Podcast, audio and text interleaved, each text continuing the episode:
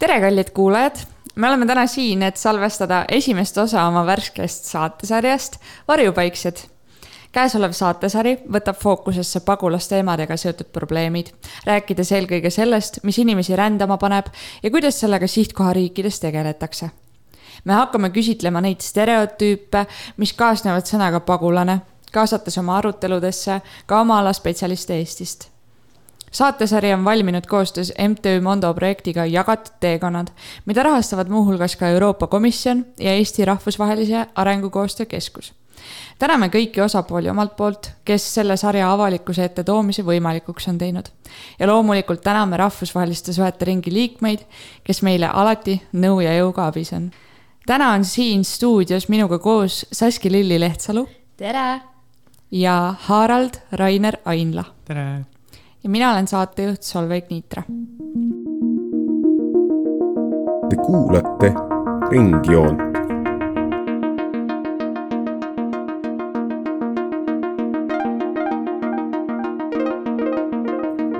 joon ringis.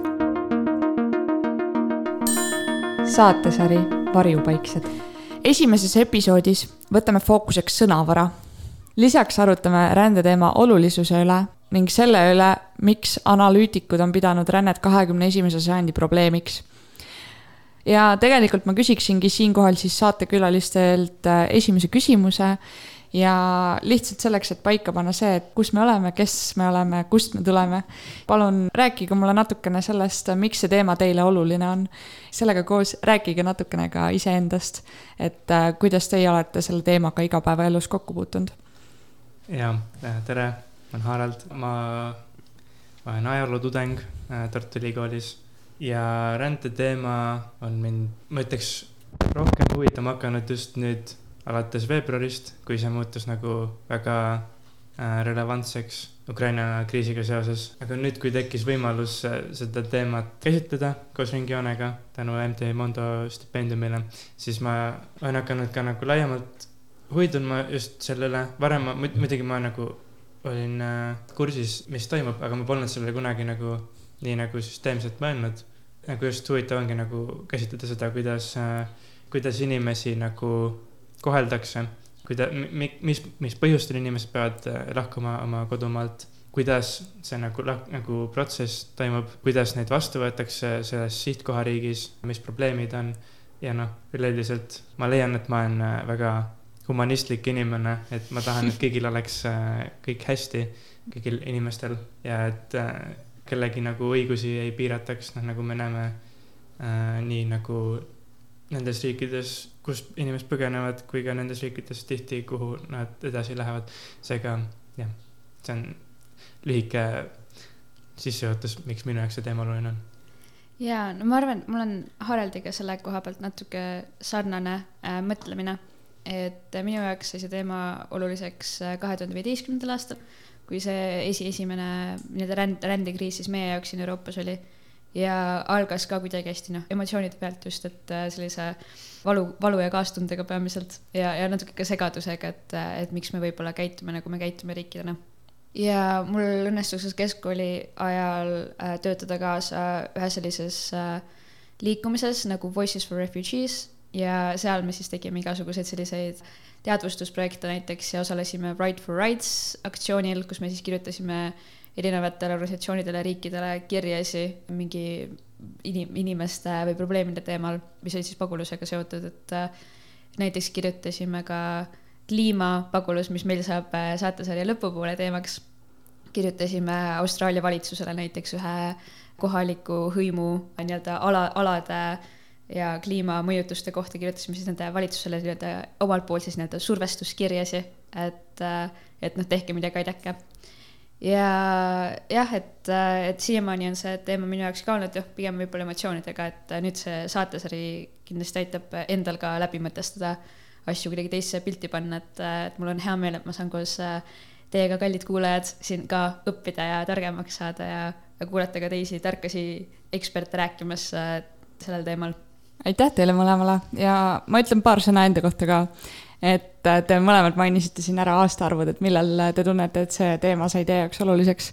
et äh, mina olen kuskil seal vahepeal, ma tunnen, et ma hakkasin selle teemaga rohkem kokku puutuma peale kahe tuhande kaheksateistkümnendat aastat, kui ma suundusin Inglismaale õppima ja kui ma tegelikult äh, sain äh, sellise au osaliseks, et ma, et ma sain elada mõnda aega siis Palestiinas ja töötada koos sealsete pagulastega Aida pagulaslaagris Petlemmas ja seal ma sain kuulata hästi palju neid äh, first-hand lugusid selle kohta, et äh, mida inimesed on äh, Palestiinas läbi elanud, et kindlasti me võtame saatesarja jooksul ka fookusesse selle, kuidas näiteks Palestiina pagulased on nendest tavalistest teistest pagulastest natukene erineva staatusega näiteks ÜRO võtmes. ja peale selle olen ma elanud ka Mosambiigis, kus ma siis äh, samamoodi nägin äh, võib-olla Aafrika võtmes natukene seda, et äh, mis paneb inimesi võib-olla siis liikuma ja mis on need murekohad, millega Aafrika riikides just ei ole valitsused saanud sellega tegelemisega hakkama ja, ja siis noh ma olen praegusel hetkel võtnud enda missiooniks siis just tegeledagi Lähis-Ida ja ja Aafrika võtmes siis muuhulgas ka pagulasteemadega. aga lähme natukene siis rohkem süvitsi asja juurde, et äh, me oleme mõelnud sellise katustermini välja oma ühiskonnas nagu pagulane, aga tegelikult pagulane ei ole sugugi ainus äh, ainus termin, mis siis äh, rännet kui sellist ja sellega kaasnevaid probleeme iseloomustab. nii et võib-olla räägiksimegi kõigepealt sellest, et kes on rändaja, kes on pagulane ja, ja mis on need erinevad äh, terminid ja kuidas need üksteisest erinevad? ja no ma võib-olla astuksin just sammu tagasi, et äh, pagulus on tegelikult hästi uus mõiste, mis ma arvan, on midagi, mida peab nagu kohe ära mainima siin alguses. alles siis Genfi konventsiooniga viiekümne esimesel aastal selline mõiste tuli äh, pärast teist maailmasõda ja algselt see oli siis nagu seotud ainult Euroopa põgenikega, ka selline huvitav nagu taustamõte ja kuuekümne seitsmendal aastal äh, New Yorgi protokolliga siis see nii-öelda laiendati siis äh, ka mitte eurooplastele. ja tema erinevus siis tavalisest immigrandist ongi see, et ta on rahvusvahelise õiguse poolt kuidagi määratletud. et aga nüüd jah, et kui me räägime põgenikust kui sellisest, et siis me võime öelda, et siin on siis äh, põgenik on see, kes on pidanud kodust põgenema. et see on nii-öelda see esimene samm, et kui inimesel siis äh, nii-öelda tekib see olukord, kus ta, kas siis inimväärikus on ohus, tema elu on ohus ja ta peab kodust põgenema, siis temast saab põgenik. aga see ei taga talle siis seda rahvusvahelist kaitset? just, aga see ei ole siis nii-öelda sünonüümne, et kuna see rahvusvaheline kaitse, eriti siis pagulasstaatus ise, mis on Genfi konventsiooniga määratletud, on väga piiritletud, et äh, alustades selles, et näiteks pagulasstaatus Genfi konventsiooni alusel antakse ainult kolmeks aastaks ja see vajab iga kolme aasta tagant uuendamist ja seal on äh, väga äh, kindlad tingimused, milleks on siis äh, näiteks see, et kardetakse kodumaal tagakiusamist, kartus on äh, objektiivne ja põhjendatud ja olen, on siis vähemalt üks viiest alusest, äh, mis Genfi konventsioonis on kirja pannud, on siis rass, rahvus, usk, ühiskondlik grupp või poliitiline veendumus on need põhjused, mille pärast siis on pidatud lahkuma. ehk see, mis on nagu, nende olemus, olemus siis nagu on kuidagi ohus eksisteerib hästi põhjendatud hirm oma koduriiku naasmise ees, et ongi, et noh, et kuna ma olen mingist rassist või mul on, on, minu rahvus on kindel või on mingi poliitiline veendumus näiteks, et äh, ma enda koduriigis olengi ohus äh,. see peab olema selge ja põhjendatud ning äh, need tingimused äh,, mis on siis selle pagulasstaatusega seotud, on jäänud nagu viimase viiekümne ühe aasta tegelikult samaks, et äh, või vabandust, kuuekümne ei, seitsmekümne ühe, jah, vabandust, et seitsmekümne ühe aastaga on jäänud samaks. et, et tegelikult nüüd ongi võib-olla see küsimus nagu, mida, mida hiljem ka lahata, mis minu meelest nagu väga põnev ongi see, et, et kas me tegelikult, see definitsioon on liiga kitsas ehk, et kuna juba täna, kui me vaatame, siis rahvusvahelise kaitse saajatest ainult siis osa, osad on need pagulased.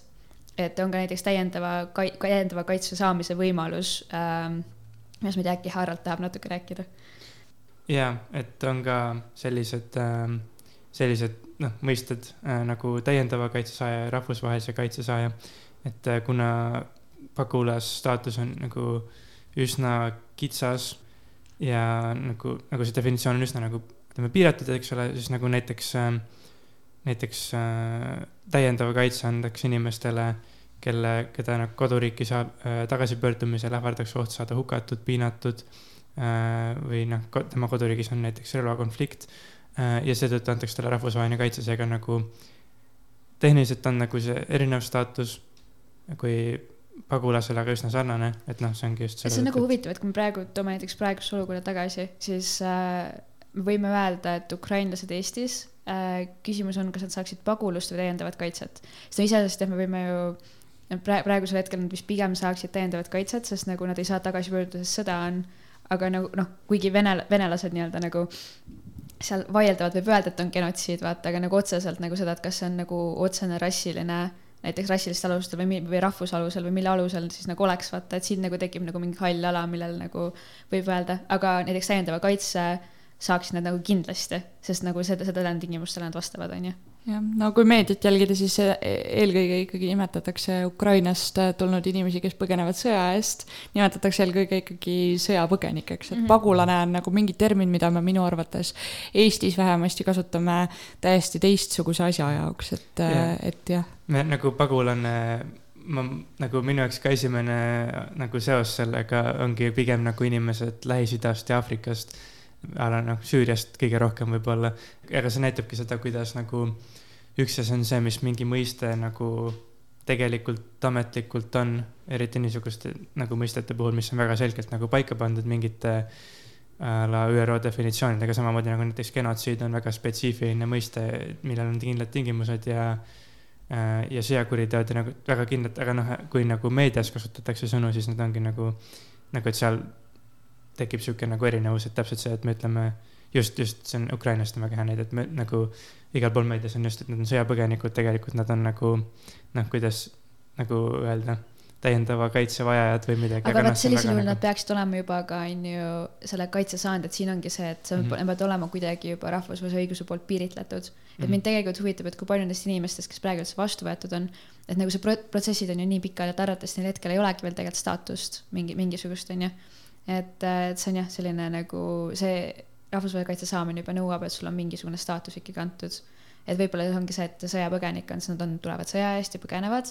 et see on jah, selline ilus on ju, e-, e-, e-, hea lihtne öelda, aga nagu seda otsest nagu alust veel ei olegi mm. -hmm. Ah, ja ma jah, rahvusvahelise kaitse saajatele ei maininudki, et see on katustermin erinevate kaitsestaatuste jaoks ehk nagu nii pagulasstaatus kui täiendava kaitse staatus on rahvusvahelise kaitse staatuse all mhm. põhimõtteliselt mm -hmm.. ehk siis ja. nagu see on see katustermin nii-öelda, mida me saame kasutada mõlema puhul. ja, ja sinna katustermini alla kuuluvad ka veel siis äh, oluliste asjadele näiteks siseriiklikult ümber paigutatud isikud, mis on tegelikult peamine osa põgenejaid või ja inimesi, kes peavad põgenikuks asuma, asuvad siiski enda riigi sees põgenikuks. et. või naaberriiki. või naaberriiki, just aga just see, et kas siseriiklikult ümber paigutatud isikud on üha kasvav trend, mida hetkel nagu näha on ja teine on ka siis pikaaegses pagulasolukorras viibijad mis ongi näiteks noh, inimesed, kes on näiteks, ma ei tea, sündinud, kasvanud juba tänasel päeval põgen-, põgenikelaagris näiteks mm. -hmm. see on ei... näiteks Palestiinas hästi, et seal on, eks ole, kolmandat põlve pagulased. aga sa enne mainisid siin äh, tegelikult äh, protsesse ja sa mainisid seda, et ikkagi oodatakse pikalt, et seda pagulasstaatust saada. aga see, mis äh, mind huvitab, ongi, ongi tegelikult see, et kuidas siis saab põgenikust ikkagi pagulane, et mis on see protsess, mille põgenik peab läbima, et talle see juriidiline staatus antakse no ta peab vastama Genfi konventsioonile, on ju, mis tähendab, et, äh, et nad äh, peavad ära tõestama kõik need asjad, mis äh, Genfi konventsiooni alusel on siis öeldud. ja kellele nad tõestavad äh,? siis sellele riigile, kus nad kaitset saavad. et siin, siin on ka see huvitav põhjus, mille pärast näiteks osad riigid tagasi lükkavad, on ju, neid pagulus, no varjupaigu taotlemise, noh, taotluseid ühesõnaga lükkavad tagasi ongi tihti see, et kuna eriti Euroopas on minu arust see suur teema aga pagulus põhimõtteliselt peaks olema nagu esimeses riigis, mis on turvaline, on ju. ja näiteks hästi palju hakatigi tagasi lükkama riigid nagu Ungari või noh, sellised äh, nii-öelda, kellele ka väga need teemad ehk ei meeldi, on ju, Kesk-Euroopas. ja tahavad umbes, et miks te nagu Kreekas näiteks ei esitanud, see on esimene koht, kus te sisse tulite. aga, aga jah, seal peabki olema, et nagu need alused ongi see, et kardab kodumaal tagakiusamist äh,, kartuse objekt on põhjendatud ja see on siis nendest viiest alusest on ju üks rass, rahvus, usk, ühiskondlik grupp või poliitiline veendumus eksisteerib hästi põhjendatud hirm. et need on need asjad, mida sa pead siis nagu tõestama. aga, aga jaa, et nagu noh, see, see probleem ongi nagu selles, et et minu arust ka see kaks tuhat viisteist, mis meil Euroopas nagu oli hästi palju, oli see, et äh, need, need, need mõtted nagu igast need mugavuspõgenik ja noh, sellised asjad on ju. et see, et kuidas me nagu paigutame neid pagulasi näiteks Euroopa piiridel, et kuna nad, kui nad, kui nad piiri peale tulevad, on ju et siis äh, tehniliselt jaa, nad peaksid nagu esimeses turvalises kohas küsima ja sama, sama, samas juba tegelikult nagu see küsimus ka, et okei okay,, et kui, et miks sa nagu, miks sa näiteks naaberriiki ei läinud küsima. et äh, see on nagu ka siis teine küsimus, on ju et, et kes sulle annab, et kuna selle pagulasstaatuse endaga pole nagu otseselt seotud nagu ükski riik või noh, kui sa oled Genfi konventsioonile alla kirjutanud, siis sulle saab taotlust esitada. aga nagu sa ei äh,, kui sa oled nagu noh, sa võid alati umbes öeldagi, et kuna sa nagu näiteks varem ei ole esitlenud mingile riigile, kes on enne mind, sa saad tagasi lükata, et tegelikult see on nagu see Genfi konventsioon ise ka on nagu nii hall ja tegelikult nagu riikidel on nii palju võimalusi, et nagu seal ümber mängida ähm, mida ka minu arust nagu Euroopas oli näha kaks tuhat viisteist päris palju mm. -hmm. ja mul on hea meel, et sa tegelikult mainisid just seda, et, et noh, miks äh, inimesed ei lähe siis äh, selle esimese riigi juurde, kelle, kelle, kelle juurde nad jõuavad peale seda, kui nad on kodust pagenud. et äh, mind hakkas huvitama see, et kuidas nad siis üldse Eestisse jõuavad et äh, mille alusel võtab Eesti need äh, paarsada inimest vastu, kelle me oleme Euroopa Liidule lubanud äh, vastu võtta. et kas need saadetakse mei-, kas nemad saadetakse meile siis Euroopa Liidu kaudu või ikkagi mingisugusel teiselt Euroopa Liidu liikmesriigilt või kuidas see protsess välja näeb? No see, nii, nii palju, kui mina nagu äh, aru olen saanud, siis äh, me võtsime küll ümberjagamise raames võtsime inimesi vastu ja, ja praegu no Ukrainaga praegu nagu pole küsimust, vaata, et ühiskondlikult on ka see asi nagu suht ühtne, et nagu võetakse, onju. aga kaks tuhat viisteist, äh, nagu ma saan aru, et äh, on ka neid inimesi, kes ei tule no nii-öelda jala, vaata inimesi, kes tulevadki enam-vähem nagu lennukiga kohale ja paluvad äh, sul staatust. see on see, mis juhtus Valgevene-Poola piiril, eks ole ja,. jah, näiteks, et, äh, et sul nagu ka, ka selliseid nagu juhtumeid on ja, ja noh, ma, ma, ma nagu, sellest on hea küsimus. et et äh, see vist nagu oleneb ka natukene, et minu arust Eesti on notorious olnud ka sellega, et võetakse vastu inimesi, kes on nagu kuidagi Eestiga seotud olnud, aga võib-olla ma nüüd ajan natuke kelpast, ma tegelikult ei tea. Just mõtlesin ka, ma ei tea ise nagu neid äh, õiguslikke raamvõrgustikke nii hästi nagu, aga lihtsalt, et kuidas ümberjaotamine toimib. Äh,. kuna jah, näiteks ka Ukraina puhul, eks ole, noh, noh, nad tulevad, eks ole, Eestisse, noh, Eesti ei ole Ukraina piiririik, on ju, aga nagu on nagu peamine probleem, mis tekib, ongi ju see, et et näiteks, jah, näiteks just Ukraina puhul Moldova täiesti jagab selle nagu pärast, et neil ei ole nagu niigi majanduslikult äh, kehval järjel ja väike riik ja üle kümne protsendi rahvastikust on lampi juurde tulnud, keda nagu Ukrainast täna, keda nad ei suuda üldse üleval pidada, mistõttu on nagu väga loogiline, et nagu neid peakski ümber jaotama ja täpselt samamoodi Süüria puhul äh, Türgi nagu noh, no muidugi see lõpuks nagu lahendati ära, et ja just ka Kreeka, me just mainisime, et äh, Kreekal oli nagu väga suuri raskusi, sellepärast et kogu noh, kogu see noh, mitmed miljonid käisid läbi Kreeka, Kreeka ei ole ka nii suur riik, eks ole, kümme miljonit rahvaarvutust. mistõttu see on nagu iseenesestmõistetav, et, et ümber jaotada, aga probleem ongi selles, et nagu see Genfi, Genfi konventsioon on nagu veits nagu kitsas selle jaoks või nagu ei, ei nagu ei hõlma niisuguseid asju, ja et vot minu arust selle Genfiga nagu ongi see, et et seda nagu on üritatud ju, et noh, Euroopas vaata vähemalt see asi, et nagu liiduna nagu me oleme, me saame igasuguseid asju veel nagu juurde võtta ja ühiselt kokku leppida, et me nüüd vastutame, on ju, ühiselt mingite asjade eest, mida on see, mida kaks tuhat viisteist tehti. aga Genfiga üldiselt nagu, mis mind tegelikult huvitab, on see, et äh, ma, mina, mina olen kindlasti selles kategoorias, kes ütleb, et see on liiga kitsas, see pagulastaatus, kasvõi noh, kui me toome jälle kliima sisse, et see on nagu asi, mida nagu tänapäeval peab lisama nagu kasvõi see, et Genfi konventsioonis oli sõda sees kirjas nagu come on, et noh, nagu ilmselgelt on tsipa kitsas, vaata. Aga jällegi, et, äh, et kui me hakkaksime ka mingit uut asja tegema, siis mul on tunne, et see oleks nagu ilge ussipesa, sest nagu kes äh, täna oleks nagu nõus kokku leppima nagu mingit konventsiooni, mis, kus oleks sees nagu alustest rass, rahvus, usk, ühiskondlik grupp, poliitiline veendumus ja nii paljud kirjutaksid alla. et see on ka see, mis nagu mind nagu natuke nagu ongi see, et ühelt poolt nagu tahaks hästi kritiseerida, vaata, et nagu tee, teeks siis nagu paremini või teeks midagi uut, et oleks nagu vaja, vajadus on olemas, aga tegelikult, kas me saaksime isegi sama hea asja kokku, on nagu suht suur küsimus tõenäolisemalt tekiks lihtsalt mingi üks mõiste veel juurde nende sekka ja siis oleks veel suurem nagu segadus, et Segadus, kes on kes ja just.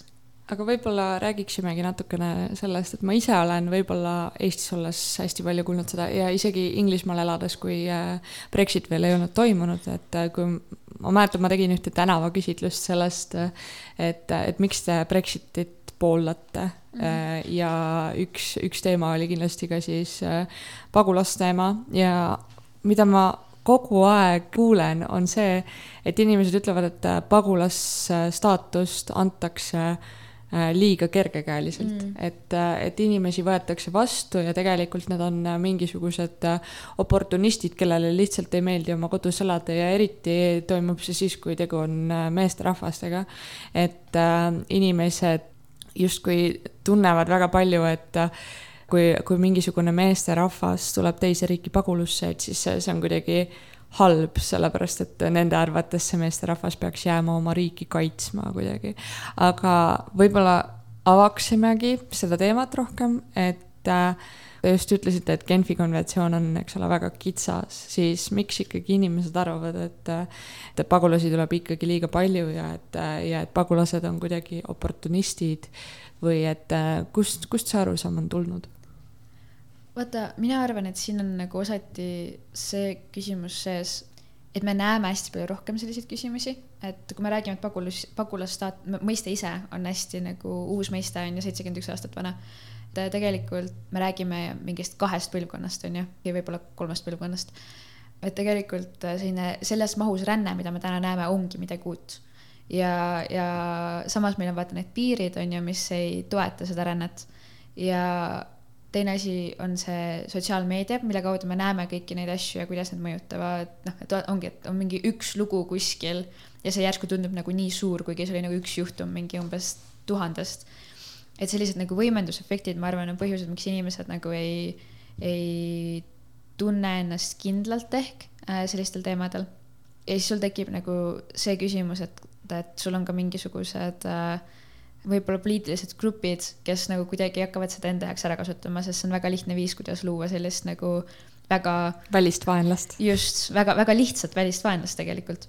ja, ja tegelikult noh, ja ma arvan, et siin on ka see mõistete segiajamine natukene mängus, et kui me räägime tõesti, et Genfi konventsioon on kitsas ja kui inimene juba saab endale selle pagulasstaatuse, siis tegelikult see ju on ainult kolmeks aastaks, mis tähendab, et see on tegelikult lühikene aeg.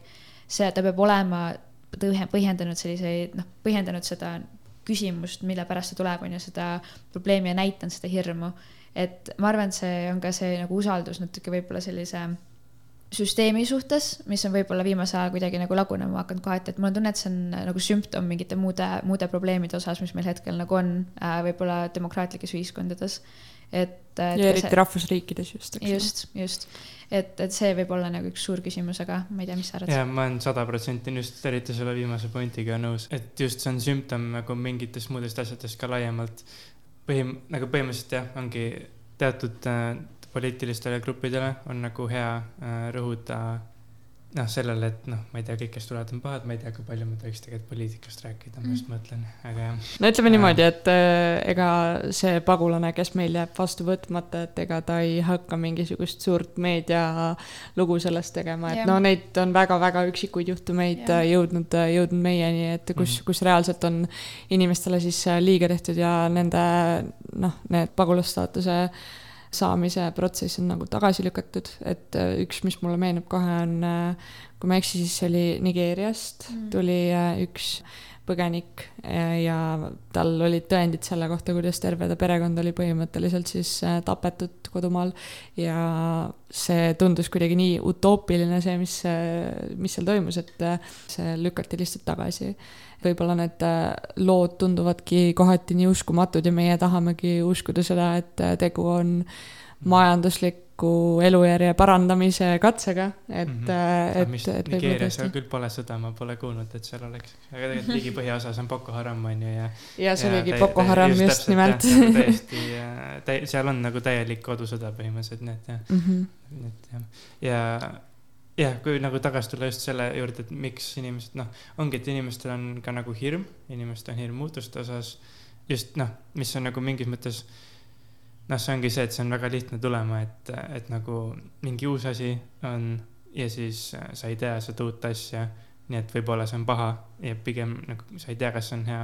ja siis sa nagu kohe nagu põlgad selle ära ja siis noh, samamoodi nagu see, et noh, tõejärgne ajastu, kus me oleme, et nagu ja, ja ongi nagu ma jällegi, ma ei taha tegelikult isegi ma nagu mõistan, nagu mida ma enne ei öelnud, on see, et ähm, ma nagu mõtlesin praegu, kas ma räägin sellest või mitte, aga noh, ühesõnaga tegelikult aastal kaks tuhat viisteist ma ka nagu panin tähele, mis toimub rändekriisis, aga siis ma olin äh, natuke teistsuguste vaadetega äh, ja siis äh,, ja siis ma olin ka nagu noh, võib öelda vastumeelne äh,, seega nagu ma olen nagu kogenud seda enda nahal ja ma nagu seetõttu saan aru äh,, miks inimesed niimoodi mõtlevad ja ongi, ongi see, et äh, sa ei tea nagu, mida uskuda ja ongi, et kui sul on juba nagu, ma arvan, et mis Euroopas toimuski kahe tuhande kümnendate keskel oli see, ja noh, USA-s, noh, Põhja-Ameerikas ka. et, et ühiskond oligi jõudnud selle nagu tõejärgsuseni ja siis koos sellega nagu selleni, et enam ei usaldatud mingeid aut-, nagu seniseid autoriteete nagu äh, eranditult või noh, no ehk siis nagu näiteks ongi poliitilisi juhte, noh, mingil määral, ma ei tea, kui palju, aga noh, no üldiselt, eks ole, ja, ja meediat ja niimoodi. ja siis ongi see, et, et siis see nagu võib äh, snowball ida, et nagu mis piirist see on nagu iseseisev mõtlemine ja mis, mis kohast edasi on see, et äh, tulevad mingid alternatiivsed meediakanalid, kes nagu oh, räägivad, noh, ka kallutatud infot või no ühesõnaga jah, keeruline teema põhimõtteliselt äh, aga, aga jah aga ma korjaks siit üles, et võib-olla minu arust see, siit tulebki see kahekümne esimese sajandi, et miks on ränne kahekümne esimese sajandi probleem või küsimus, on ju. et see ongi see, et me tegelikult tänasel päeval näeme ikkagi nagu eriliselt seda globaliseerunud maailma kokkupõrget rahvusriigi piiridega ja ka sellist nagu pettumust on ju nagu mingites süsteemides ehk, mis siis on, mis, mis on ka kerkinud on ju viimaste nagu paari kümnendiga, ka sellised populistlikud liikumised ja, ja sellepärast nagu järsku see ränne on alati selline hea teema, mida kasutada relvana äh, sisepoliitiliselt. ja samas on ka asi, nagu ränne on ka asi, mis ta järjest rohkem juurde tuleb igasugustel alustel. et, et see on jah, selline, ütleme, et ma arvan, me oleme enda päris hea pähkli ette võtnud siin praegu selle saatesarjaga, et, et, et lahata sellist suurt küsimust, nagu ta on Harald, mul tegelikult hakkas huvitama see, et ma kiirelt küsiksin, et mis arvamust muutis? aa, jaa, see oli ka nagu osa, see oli, ma just sellepärast olingi väga nõus Saskiaga nagu, et, et see on nagu sümptom muudest asjadest ja, ja äh, laiem asi, sest et minu jaoks oli ka nagu laiem asi äh,, see oli nagu seotud äh, kõige muuga ka, et äh, äh, ma mõtlen. see oli, see nagu tuli iseenesest jah, mingi hetk, kui ma nagu maailmavaade muudes asjades muutus, siis ma sain nagu aru, et äh, võib-olla, no lühidalt et võib-olla see meedia, mida ma tarbin, ei ole ikkagi päriselt see alternatiivne meedia, vaid see on ka nagu noh, ma tähendab, ma nagu, kuidas ma nüüd ütlen, ütle otse.